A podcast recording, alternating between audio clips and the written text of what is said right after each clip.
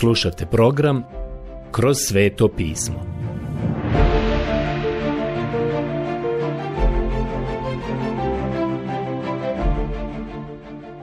Knjiga Prva Samuelova Odlomak Prva Samuelova Poglavlje 20 od trećeg stiha do poglavlja 22 drugog stiha Prijatelji, u našem današnjem proučavanju vratit ćemo se na 20. poglavlje. Jonatan pomaže Davidu da pobjegne. Prošli put smo došli do trećeg stiha gdje je David u svojoj tjeskobi i strahu rekao Između mene i smrti samo je jedan korak. Prva knjiga Samuelova 23. Drugim riječima, Šaul mu je bio za petama. Šaulov sin Jonatan je bio Davidov prijatelj i on ga je štitio. Ja mislim da bi David bio u mnogo većim problemima da Jonatan nije pokazao i dokazao svoju ljubav prema Davidu tako što ga je štitio. Mislim da bi u protivnom David mogao biti i mrtav. Tako su njih dvojica napravili dogovor prema kome će Jonatan prenijeti Davidu kakve su Šaulove prave namjere. Pročitat ćemo sada četvrti stih. Jonatan odvrati Davidu, ako što zaželiš, ja ću ti učiniti. Prva knjiga Samuelova 24. Jonatan je bio Davidov pravi prijatelj. Divno je imati takvog prijatelja. Rečeno nam je da je prijatelj onaj koji je bliži od brata. Mudre izreke 18.24. Jer brat te ponekad iznevjeri, ali pravi prijatelj nikad. Rečeno je da pravi prijatelj u nevolji postaje kao brat, mudre izreke 17.17. Čovjek dokazuje da vam je prijatelj onda kada ste u nevolji ili kada ga trebate. Jonatan je upravo to dokazao. On je rekao Davidu, učinit ću sve da te zaštitim. Čitamo sada pet istih. I David predloži Jonatanu ovo. Znaš, sutra je mlađak mjesec. Tad moram sjediti s kraljem za stolom. Ali pusti me da idem sakriću se u polju do treće večeri. Prva knjiga Samuelova 25. Drugim riječima rekao je Trebao bih se vratiti tamo i u vrijeme prazničnog obroka sjediti za stolom sa tvojim ocem, ali bojim se ići. Sklonit ću se na tri dana. Čitamo dalje. Opazi li tvoj otac da me nema, ti mu reci. David me je zamolio da može otići za svoj očinski grad Betlehem Tamo je naime godišnja žrtva za svu njegovu obitelj. Ako kaže, dobro, onda je miran tvoj sluga. Ako li se razgnjevi, onda znaj da je nesreća u njega zaključena stvar. Prva knjiga Samuelova 26 do 7. Kao što vidite, ovo je bio način da saznaju Šaulova osjećanja i prave namjere. Čitat ćemo sada od devetog stiha i dalje i vidjeti šta je Jonatan rekao Davidu a Jonatan odvrati. Bože sačuvaj, ako doznam da je moj otac naumio nate svaliti nesreću, ja ću to tebi bez sumnje dojaviti. David odvrati Jonatanu. Tko će mi dojaviti ako ti je tvoj otac odgovorio što zlo za mene? A Jonatan reče Davidu. Hajde, iziđimo u polje. Kad su obojica bili izašli u polje, reče Jonatan Davidu. Gospodine, Bože Izraelo, kad sutra u ovo doba ili preko sutra saznam od svojega oca da je dobro po Davida i ako tad ne pošaljem k tebi i ne javim ti, neka gospodin zato kazni Jonatana. Ako li otac moj bude naumio da nate svali nesreću, ja ću i to javiti i otpremit ću te. Otići ćeš u miru. Gospodin će biti s tobom, kao što je bio s mojim ocem. Ako ja onda još budem živ, iskaži mi milosrđe gospodnje. A budem li već mrtav, ne uskrati nikada mojoj kući svoju naklonost, ni onda kad gospodin istrijebi sve Davidove neprijatelje sa zemlje. Neka onda ima Jonatan savez s Davidovom kućom, a gospodin neka se osvijeti Davidovim neprijateljima. Tada se zakle Jonatan još jednom Davidu svojom ljubavlju prema njemu, jer mu je on bio odan srdačnom ljubavlju. Prva knjiga Samuelova 20, 9 do 17. Oni su ovdje razgovarali o tome šta namjeravaju učiniti. Primijetit ćete da Jonatan dokazuje svoju ljubav prema Davidu tako što ga štiti. Sada kaže, ja ću te zaštititi, a način na koji ću te obavijestiti je sljedeći. Napravili su plan jer su znali da bi Jonatan mogao biti pod prismotrom. On kaže Davidu, ono što ću učiniti jeste da ću izaći ovdje u ovo polje zajedno sa svojim slugom. To je momak koji je nosio njegov luk i strijele. Doći ću ovdje na polje za vježbu i odapeću strijelu. Ako odapnem strijelu dalje od njega, a ti ćeš biti skriven ovdje, reći ću da je strijela dalje od njega. To znači da ti se sprema zlo i da trebaš bježati. Ako nema opasnosti za tebe, neću odapeti strijelu tako daleko, i reći ću sluzi kada je pođe tražiti da strijela nije daleko, već da je bliže prema meni. I ti ćeš tada znati da se možeš vratiti. To je bio način na koji je Jonatan planirao komunicirati sa Davidom. Momak koji je prikupljao strijele ne bi ni znao šta je zapravo iza onoga što bi Jonatan rekao. I tako ne bi bilo šanse da Šaul sazna da je Jonatan komunicirao sa Davidom. Tako se David skrivao tamo trećeg dana. A došao je Jonatan sa vijestima o Šaulovom raspoloženju i namjerama prema Davidu, koje uopšte nisu bile povoljne. Šaul je očigledno htio da ubije Davida i to je veoma jasno i rekao. Strijela je tamo dalje iza tebe. Te riječi su bile signal Davidu da se da u bijeg. Dakle, David sada treba otići. Ono što je uslijedilo jeste da je Jonatan poslao svoga slugu nazad u grad. Taj momak odlazi, a David i Jonatan se tada sastaju, jer je već stvoren utisak da je Jonatan bio na polju samo da vježba gađanje. Ja mislim da je taj sluga prijavio Šaulu Jonatanovom ocu i rekao Jonatan je samo vježbao gađanje i nije se sastao sa Davidom. Sad, kada je Jonatan poslao svoga slugu nazad u grad, mogao se slobodno sastati sa Davidom. U posljednjem stihu ovog 20. poglavlja čitamo sljedeće riječi. Tada Jonatan reče Davidu, idi u miru, što smo obojica prisegli u ime gospodnje. Zato je gospodin svjedok između mene i tebe, između mojih i tvojih potomaka, do vijeka. Prva knjiga Samuelova 20.42 Sada ćemo pratiti Davida. On će pobjeći jer se nalazi u stvarnoj opasnosti. Vidjet ćemo da je David od sada stalno bio u opasnosti. Ono što je zanimljivo jeste savez koji su sklopili David i Jonatan. Jonatan je ispunio svoj dio. Bio je vjeran i odan Davidu do samog kraja svog života.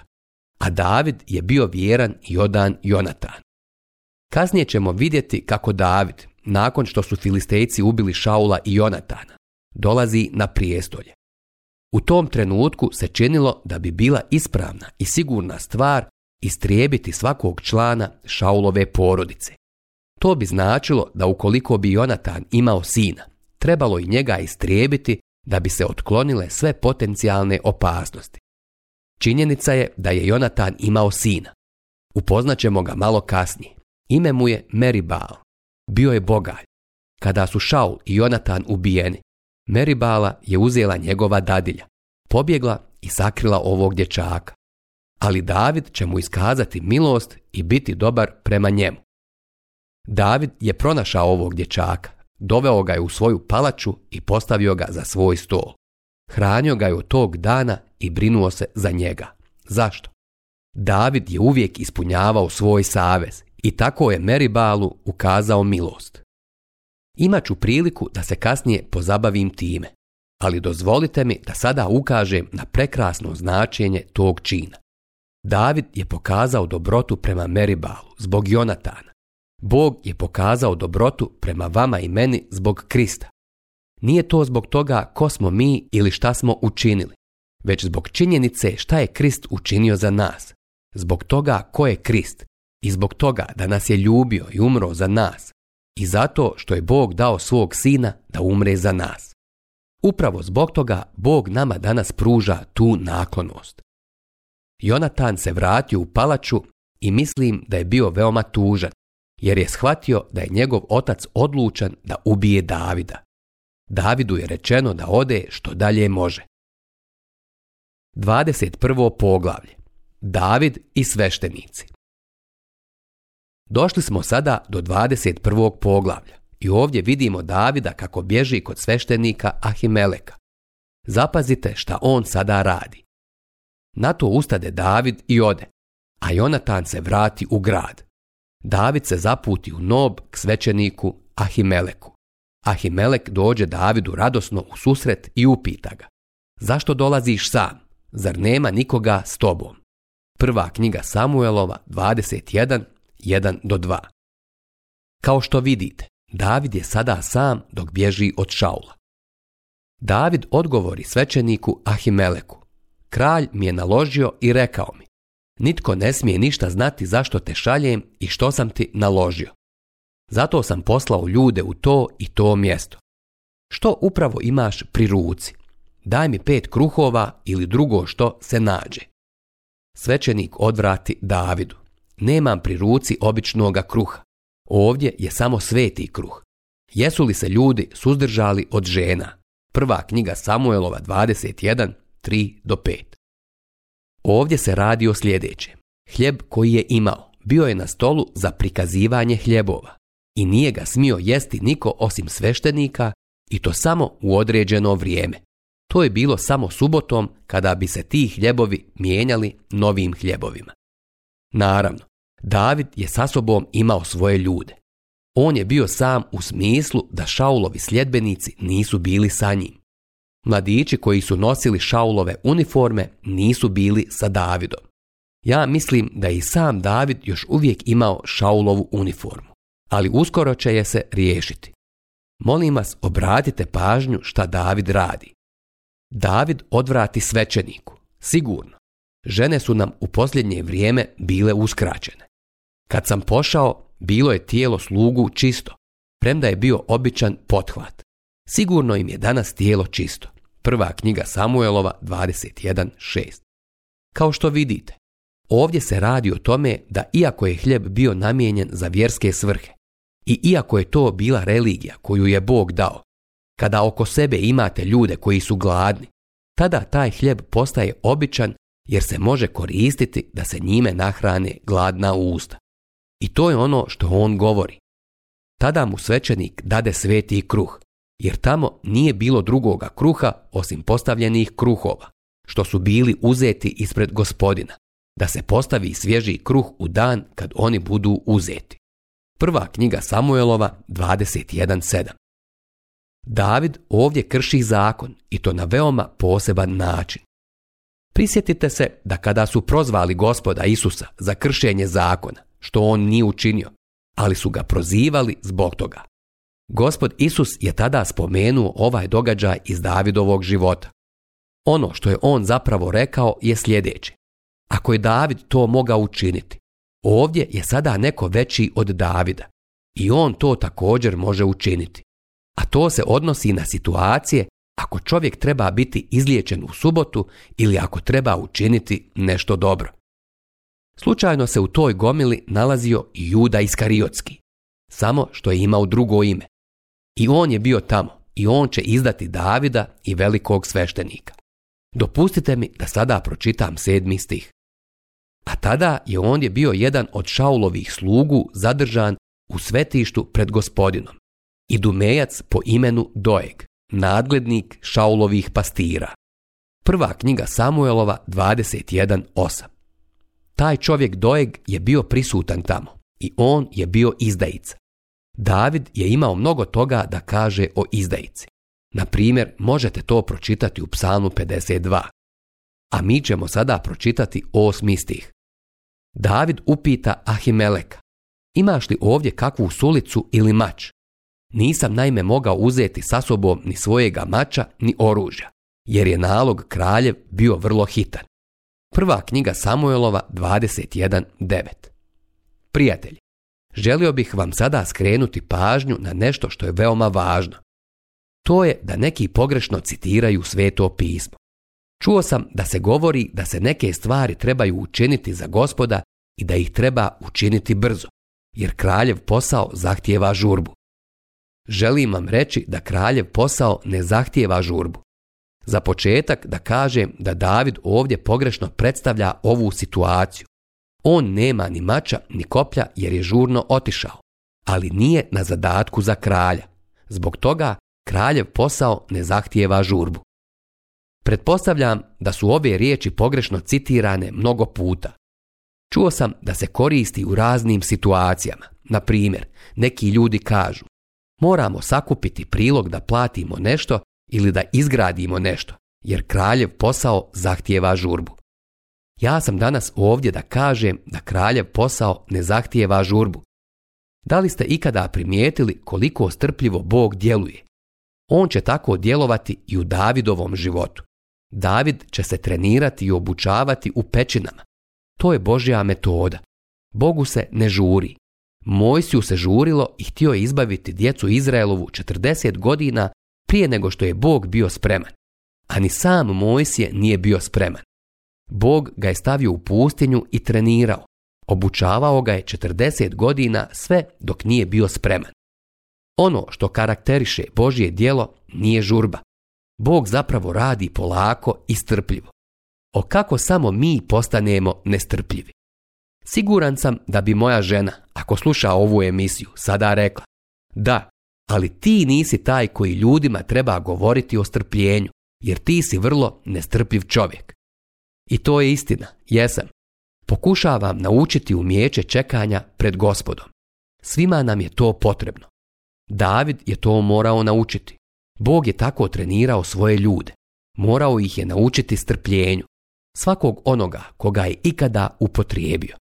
Otkrićete i vi da je to njegov metod rada sa nama. On je doveo svog sina na ovaj svijet. Proći će 33 godine prije nego što on ode na križ. Bog se kreće polako. Bog radi polako. Ako želite vidjeti kako se on kreće, pogledajte koliko mu vremena treba da napravi dijamant. Pogledajte koliko mu vremena treba da napravi drvo sekvoje. Bogu je potrebno mnogo vremena za ono što radi. Prijatelj, Božje djelo ne zahtijeva žurbu. To uopšte nije Božja metoda. David ovdje govori nešto što zapravo nije istina. Okolnosti otkrivaju da to nije istina. On nije na zadatku ili u misiji na što ga je poslao kralj, a ni kraljev posao ne zahtijeva žurbu. Zapazite sada šta slijedi. Svećenik odgovori.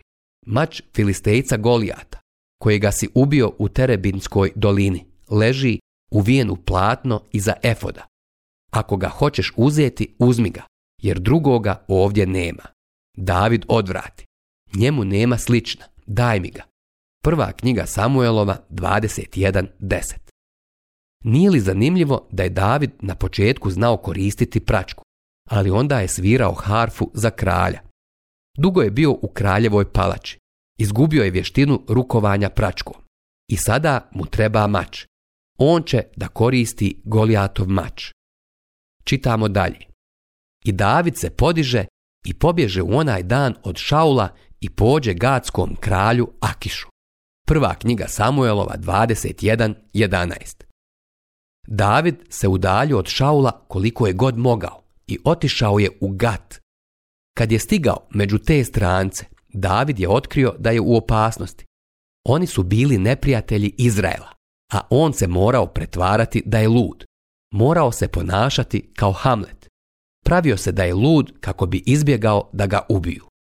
Kralj Akiš kaže u 15. stihu sljedeće riječi.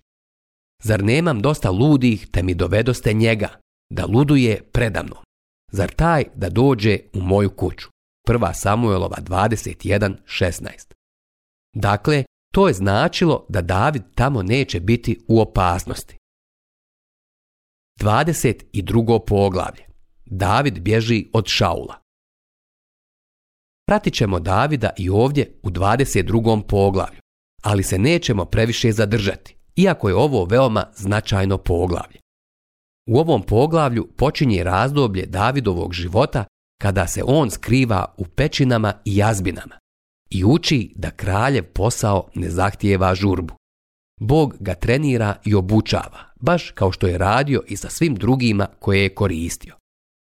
Tokom tih godina bio je proganjan od kralja Šaula koji ga je htio ubiti. Bio je progonjen, potucao se, sakrivao se i bježao. Bio je prisiljen skrivati se u šumama i pećinama kako bi izbjegao kraljev gnjev on to i sam opisuje u psalmima. Ovdje u prvoj knjizi Samuelovoj kaže da su ga lovili kao jarebicu. Pogledajte prvu knjigu Samuelovu 26.20. Rekao je za sebe i to da je kao pelikan u pustinji. David na jednom mjestu kaže Postadoh Kosova na pustim razvalinama. Psalam 102.6. Na drugom mjestu kaže Duša mi prebiva među lavovima psalam 57.5. Zatim namjestiše zamku mojim nogama, psalam 57.7. David se jako umorio tokom tih godina bježanja od Šaula. Jednom prilikom, kada ga je Šaul snažno pritisnuo, on se povukao u pećinu adula. To je bio stjenoviti planinski prevoj na jugu, put kroz dolinu između Filisteje i Hebrona.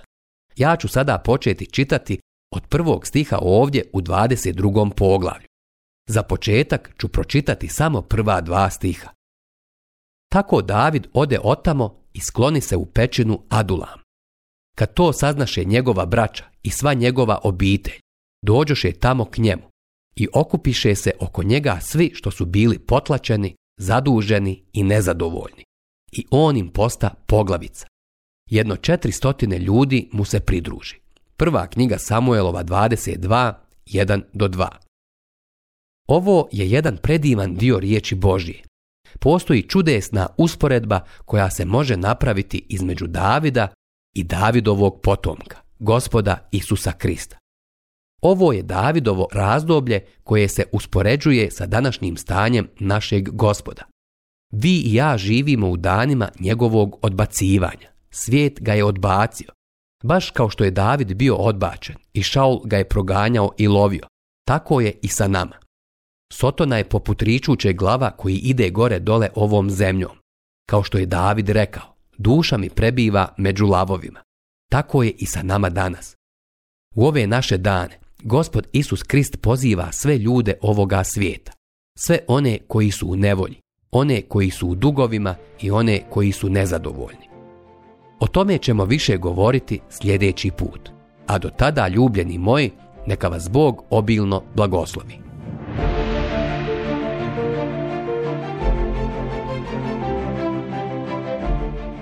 Slušali ste emisiju Kroz sveto pismo.